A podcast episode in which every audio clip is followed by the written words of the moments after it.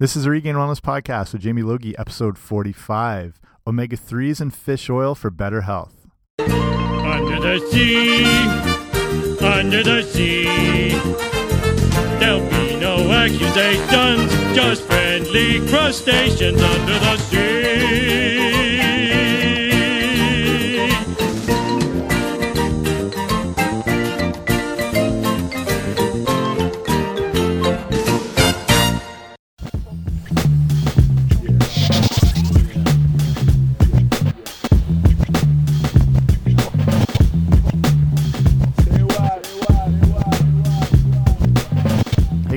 What's happening? Welcome back to the podcast. I'm Jamie Logie. I run regainedwellness.com, and this is the Regained Wellness Podcast. So thank you for joining me here today.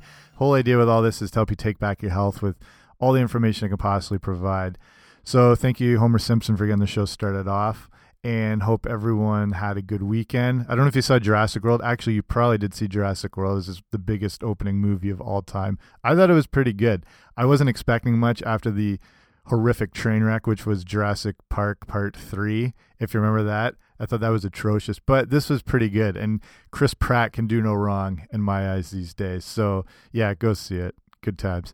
So, today we're talking about the omega 3 issue, fish oil, if you should be using it, what are the benefits it provides, the whole area of inflammation, all that fun stuff.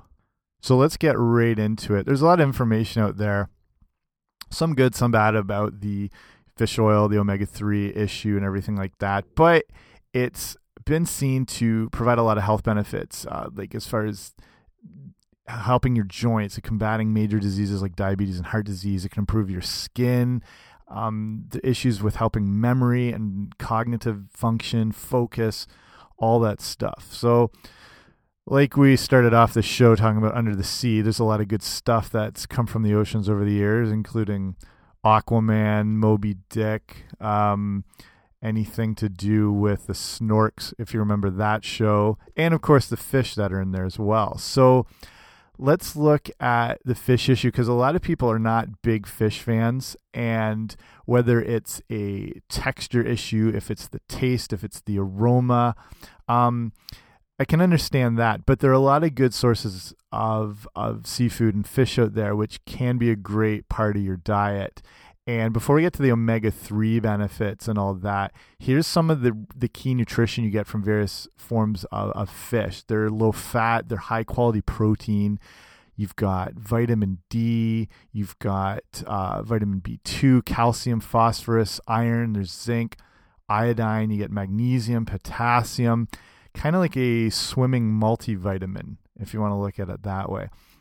And one of the big issues that does come up is the idea of toxins in fish. And that is a genuine concern as the amount of pollutants in our environment have entered our water supplies and they can be found in those animals we consume.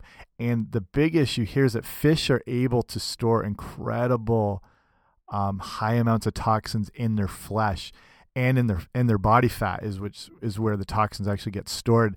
And as much as uh, 9 million times more than what is in the water around them they are able to absorb. So when fish are in contaminated sources it is, it is bad news. And the two big toxins when it comes to fish are mercury and polychlorinated biphenyls or PCBs and those things have been associated with increased cancer risk decreased mental functioning, damaged sexual health, whole bunch of issues.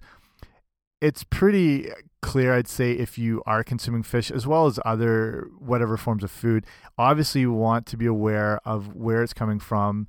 You want to be aware of what you're consuming and that it comes from the cleanest sources possible. So not not just with fish, but this goes for things like like if you eat protein like beef and chicken and you do want to be avoiding you know eating a a feed lot like a confinement lot raised cow which is pumped so full of hormones they're put on these high energy feed um, sources that um, increase the inflammation in the body create, creating an acidic environment um, making basically a sick animal and they're not exercised they stay around they're not allowed to live the way they're designed to live so i mean yeah you grab something off like a package of beef off like a grocery store shelf there's a good chance it's that type of animal and that it's um, a sicker animal. So people are very wary of avoiding uh, fish because of the toxin issue, but you need to look at all of your different food supply, like all the different things you're eating, and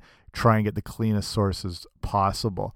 So, interesting story talking about the issue of toxins in fish. I live in southwestern Ontario. I live right between Lake Huron and Lake Erie.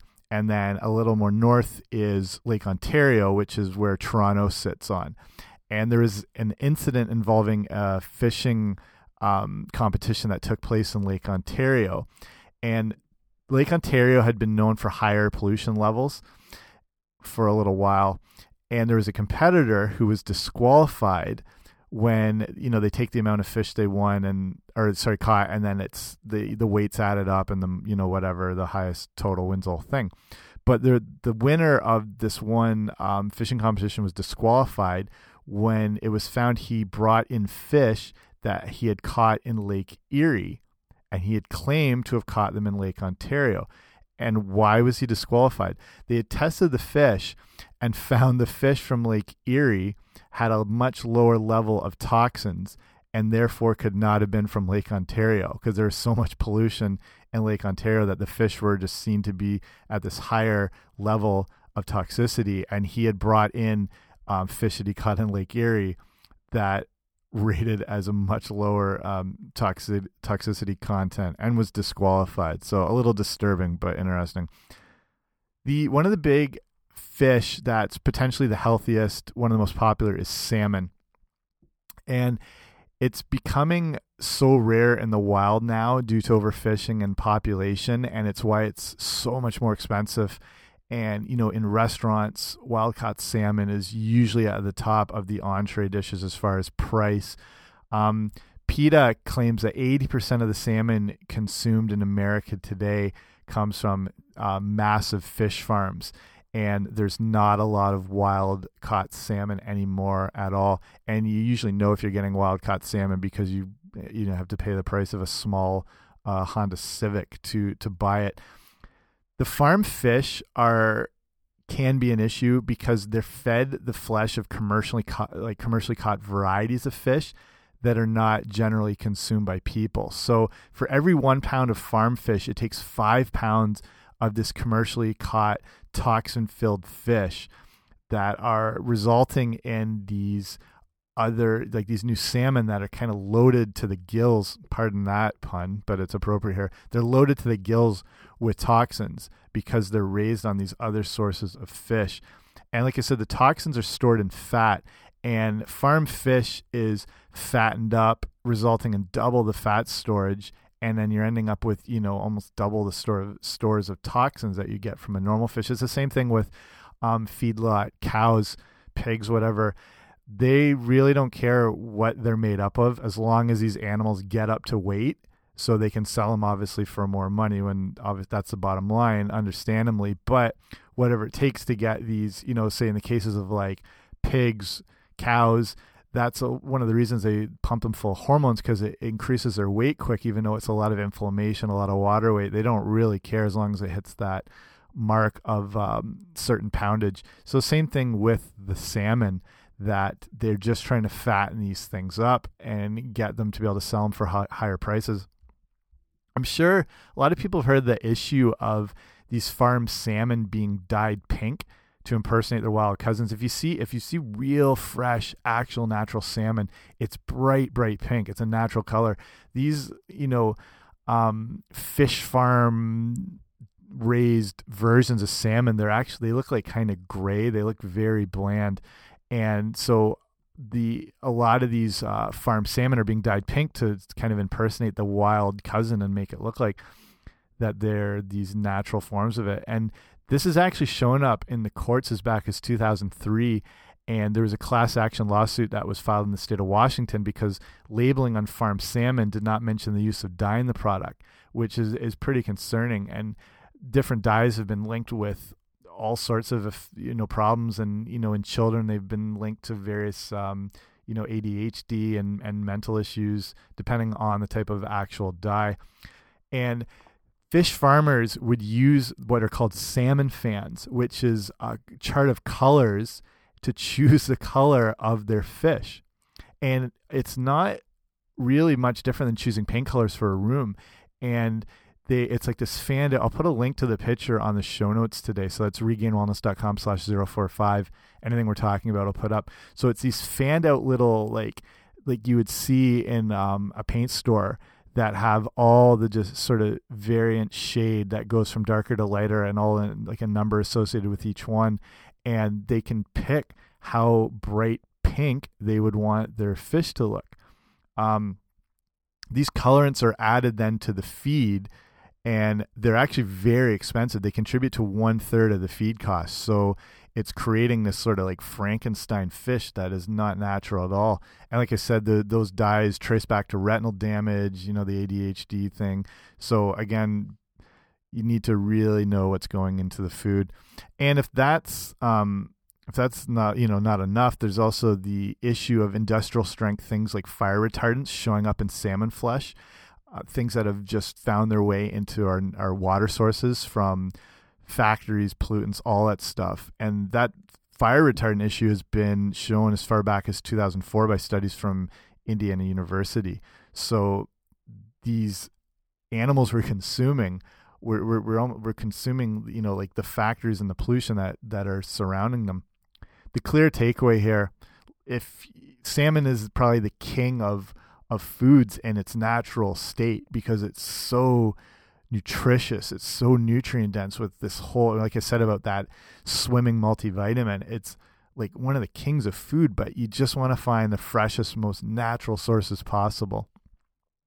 So some other best fish choice, sorry, best fish choices when they are natural, when they are organic. Here's some of your best bets.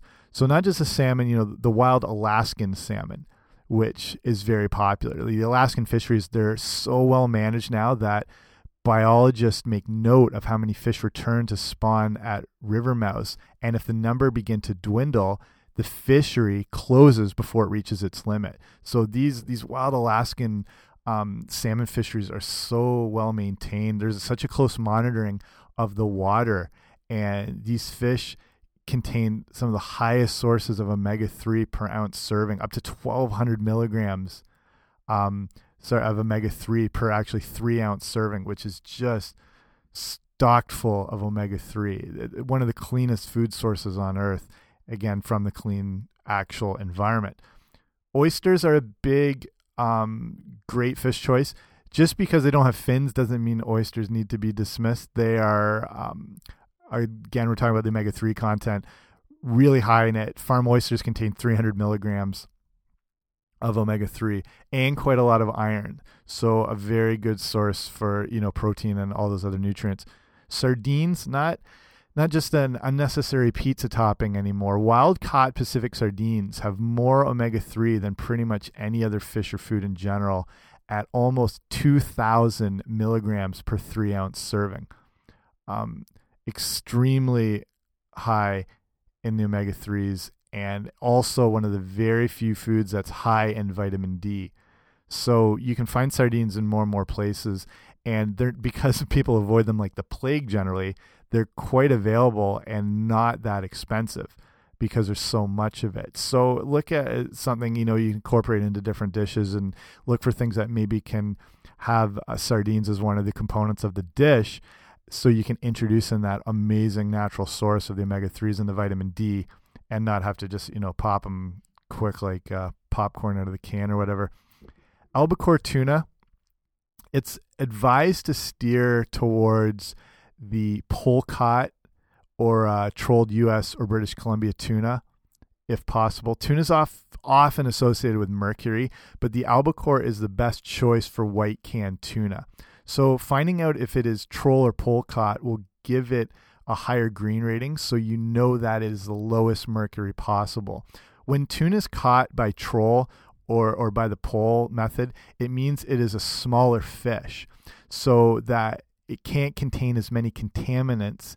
And when it's from the US or from British Columbia, it means it was caught in colder northern water, waters. And these are generally the cleanest waters, those northern cold waters.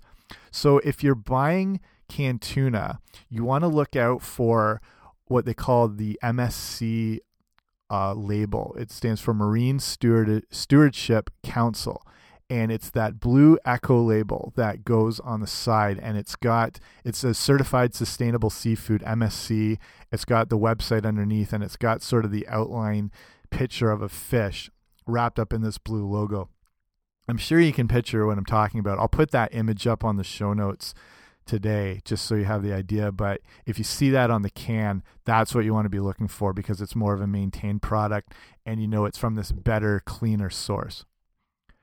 So that's some of the fish. What are the benefits of omega 3? Like, why are you wanting these? What um, health benefits do they provide?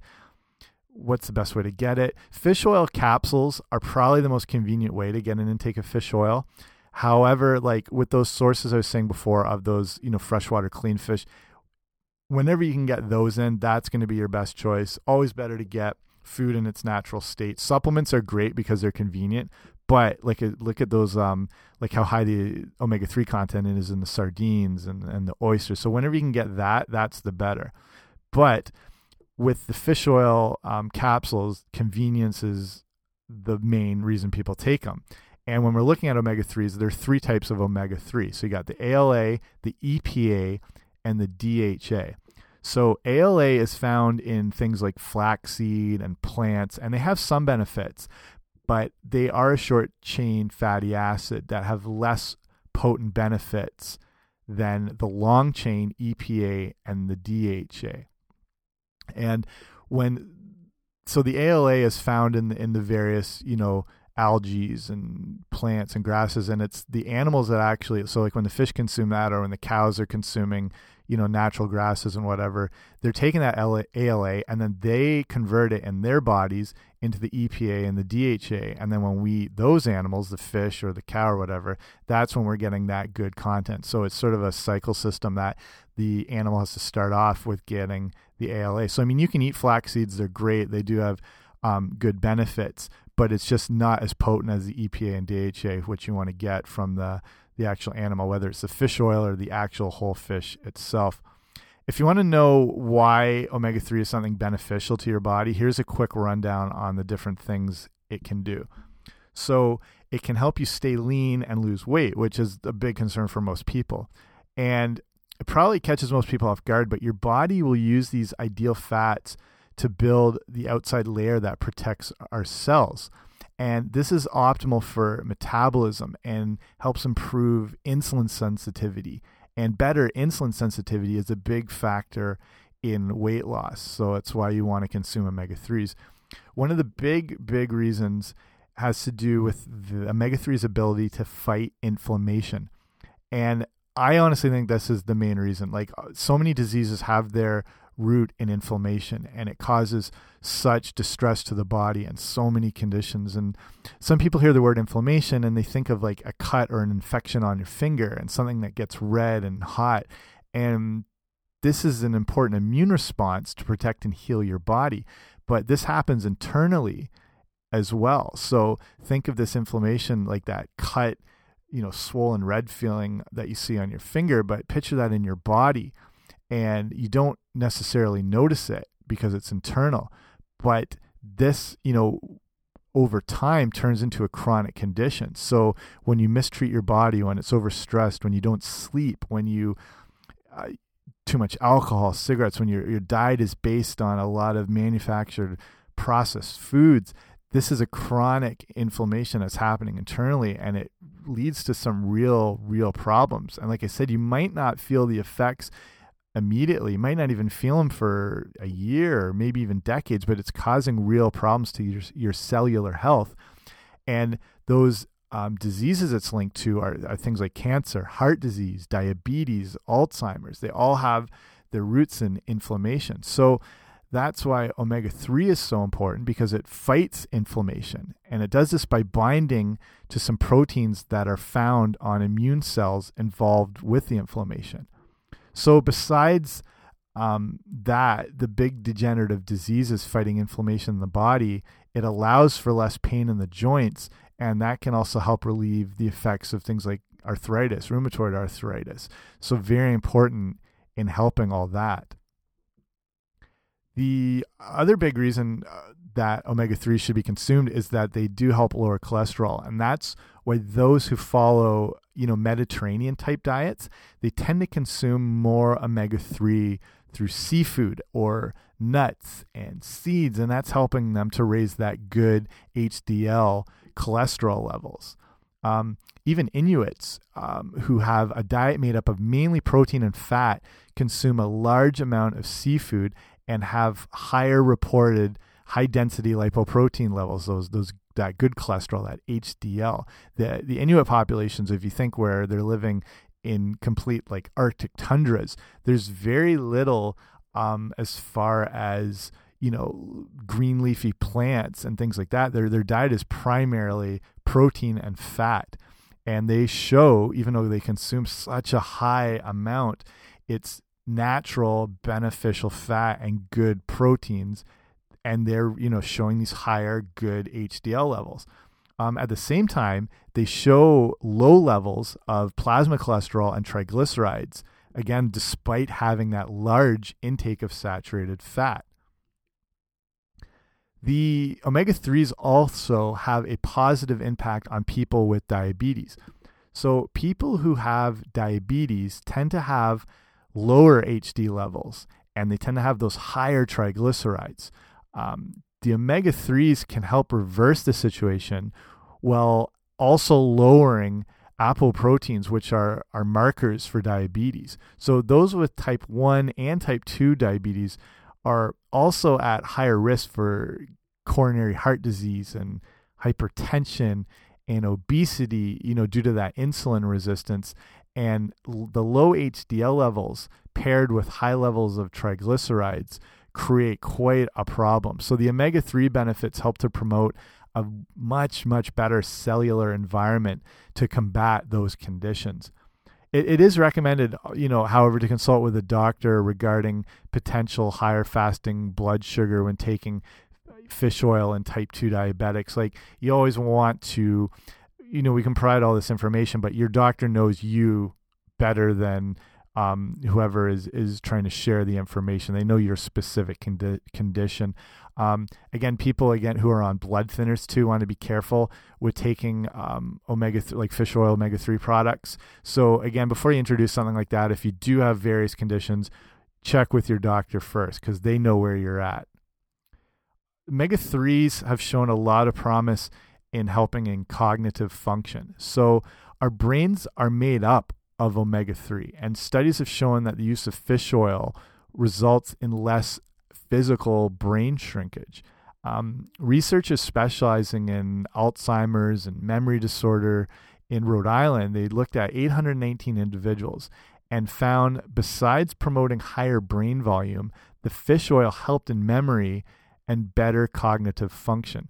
And there's always that idea of fish being considered and thought of as a brain food and you know this is appearing to be correct. I'll link these studies up on the show notes again regainedwellness.com slash 045 so how much should you take of fish oil? Um, this is going to vary widely as some say you should not take more than three grams a day and I mentioned about you know consulting with a doctor. Be careful if you're on blood thinning medication, stuff like that.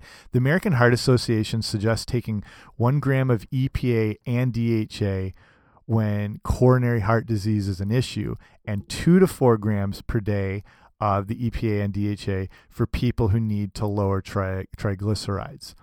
I think if you shoot for around two grams per day, you're going to put yourself in a good position to receive the positive benefits that come from the fish oil and the omega 3s. So, this is where liquid fish oil is a good choice, as you don't have to worry about taking too many pills. If you've seen omega 3 capsules, they're quite big, but they're, um, they're actually, to me, they're easier to take than like, you know, like a small little aspirin because they are in a soft gel. When taken with liquid, they're easier to um, swallow and all that stuff. But fish oil, like the liquid fish oil, can be a bit more expensive, but you're not necessarily having to take that much at a time because it's so concentrated. So they're a really good choice for people. If first, if you don't like taking all those pills, Um, and also, you can find them in various um, flavors. I've seen some that are like lemon meringue flavor or orange citrus.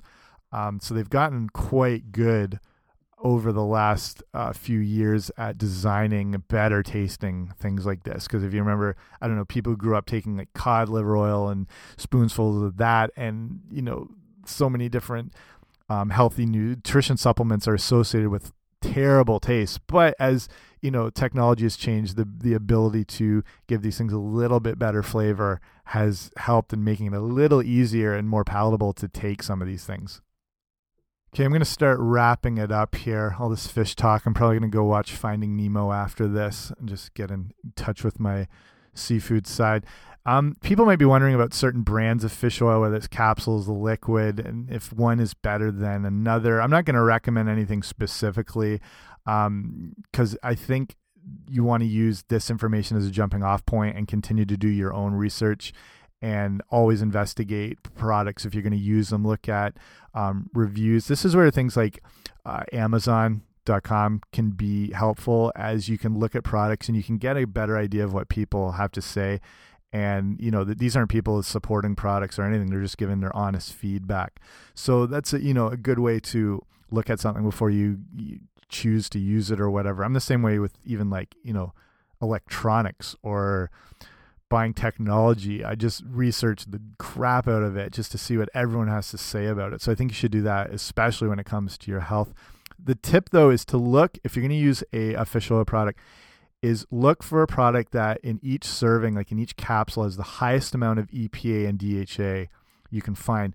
Some of them tend to vary between um, 300 milligrams of EPA and DHA per capsule, some up to 500. I think you want to shoot for around that that much. Um, some will have a lower amount, but then you know you'd have to be taking more capsules. So I would look for something that's got the highest um, percentage for each one, and you'll see different like omega three six nine products. I would avoid those because we tend to get enough omega sixes and omega nines in our just daily diets. And if you're trying to avoid um, things like um, vegetable oils, seed oil, stuff like that, they're already high in omega sixes. So in a North American diet is is misbalanced in our proportion of omega six to omega three. Ideally, you want to be about one to one of omega three to omega six, maybe maybe two to one. Um, but the average, you know, American diet is upwards of like 20 to 1 in omega 6 to omega 3, upwards of almost 40 to 1. And when you're getting into that ratio, that's where the big inflammation is happening because the omega 6s, which primarily are coming from those things like vegetable oil, canola oil, cotton, cottonseed oil, all that stuff, they are very inflammatory and they cause that misbalance because most people aren't consuming omega 3s. A lot of people aren't eating um, seafood or nuts and seeds. So that's why it is bad if you do eat, uh, you know, a lot of processed foods, or you find yourself eating junk food or manufactured food. That's why it is important to consume that omega three because you want to start increasing that balance. Because I guarantee you, you have a lot of omega sixes and omega nines in your diet. So that's why I would avoid those omega three, six, nine products and focus on just straight omega three products, whether it's uh, you know, a salmon oil product or just an omega 3 and that idea of getting that the highest amount of EPA and DHA per capsule you can find. So I hope you find this beneficial. Like I said, keep doing your own research. There's so much out there now on omega 3s. Um, they've been studied for years. There's a lot of good research, so you can continue to find your own stuff. If you like this episode, make sure to subscribe so I can keep you coming with the good info. I got some amazing guests coming up in the next few weeks. I got um, Nora Gedgaudas coming up. I've got um, Kelsey Marksteiner, who's a, a, adrenal fatigue expert who shares tons of great information. So keep looking out for that. So when you subscribe, then you automatically get the shows. Download it right to your pocket in your iPhone or whatever you listen to them on. Probably your probably your phone. That's how most people consume them. That's how I do anyway. And make sure to swing by the website, regainedwellness.com. The show notes today are regainedwellness.com slash 045, so I link all that stuff up together. If you haven't already, make sure to sign up for the email newsletter. So get you um, caught up with everything I have going on when there's new episodes, new articles, stuff that I only share specifically through email. And when you sign up, I send you off this free ebook called the Healthy Eating Starter Kit, which gives you a good breakdown of foods you want to be including in your diet if you're new to getting healthy and well. It's got the reasons why you want to avoid certain things. It's got some recipes, get you rocking and rolling. And it's free, the best price anything could possibly be. So you get that by going to regainedwellness.com slash guide and you can send it off free. Or if you're just on the website, you can, you know, enter your email and that's sent right off to you. So thanks for listening today. I know there's lots of podcasts out there. Thank you for listening to this one. If you do like it, subscribe, give it a rating, give it a review. Makes my mom proud of me the more ratings and reviews I get. And then everybody's happy. So remember with your health, your wellness, and in the whole process of everything, it's not going to go perfect. But the main idea focus always on progress and not perfection. See you next time.